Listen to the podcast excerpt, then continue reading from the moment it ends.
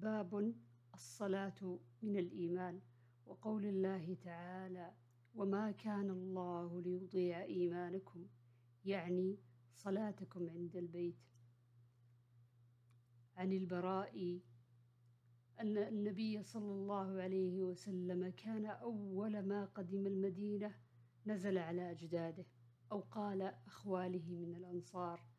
وأنه صلى قبل بيت المقدس ستة عشر شهرا أو سبعة عشر شهرا وكان يعجبه أن تكون قبلته قبل البيت وأنه صلى أول صلاة صلاها صلاة العصر وصلى معه قوم فخرج رجل ممن صلى معه فمر على أهل مسجد وهم راكعون فقال أشهد بالله لقد صليت مع رسول الله صلى الله عليه وسلم قبل مكة فداروا كما هم قبل البيت.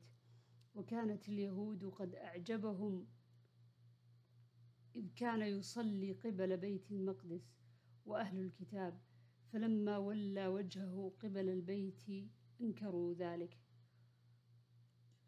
قال البراء في حديثه هذا أنه مات على القبلة قبل أن تحول رجال وقتلوا فلم ندر ما نقول فيهم فأنزل الله وما كان الله ليضيع إيمانكم.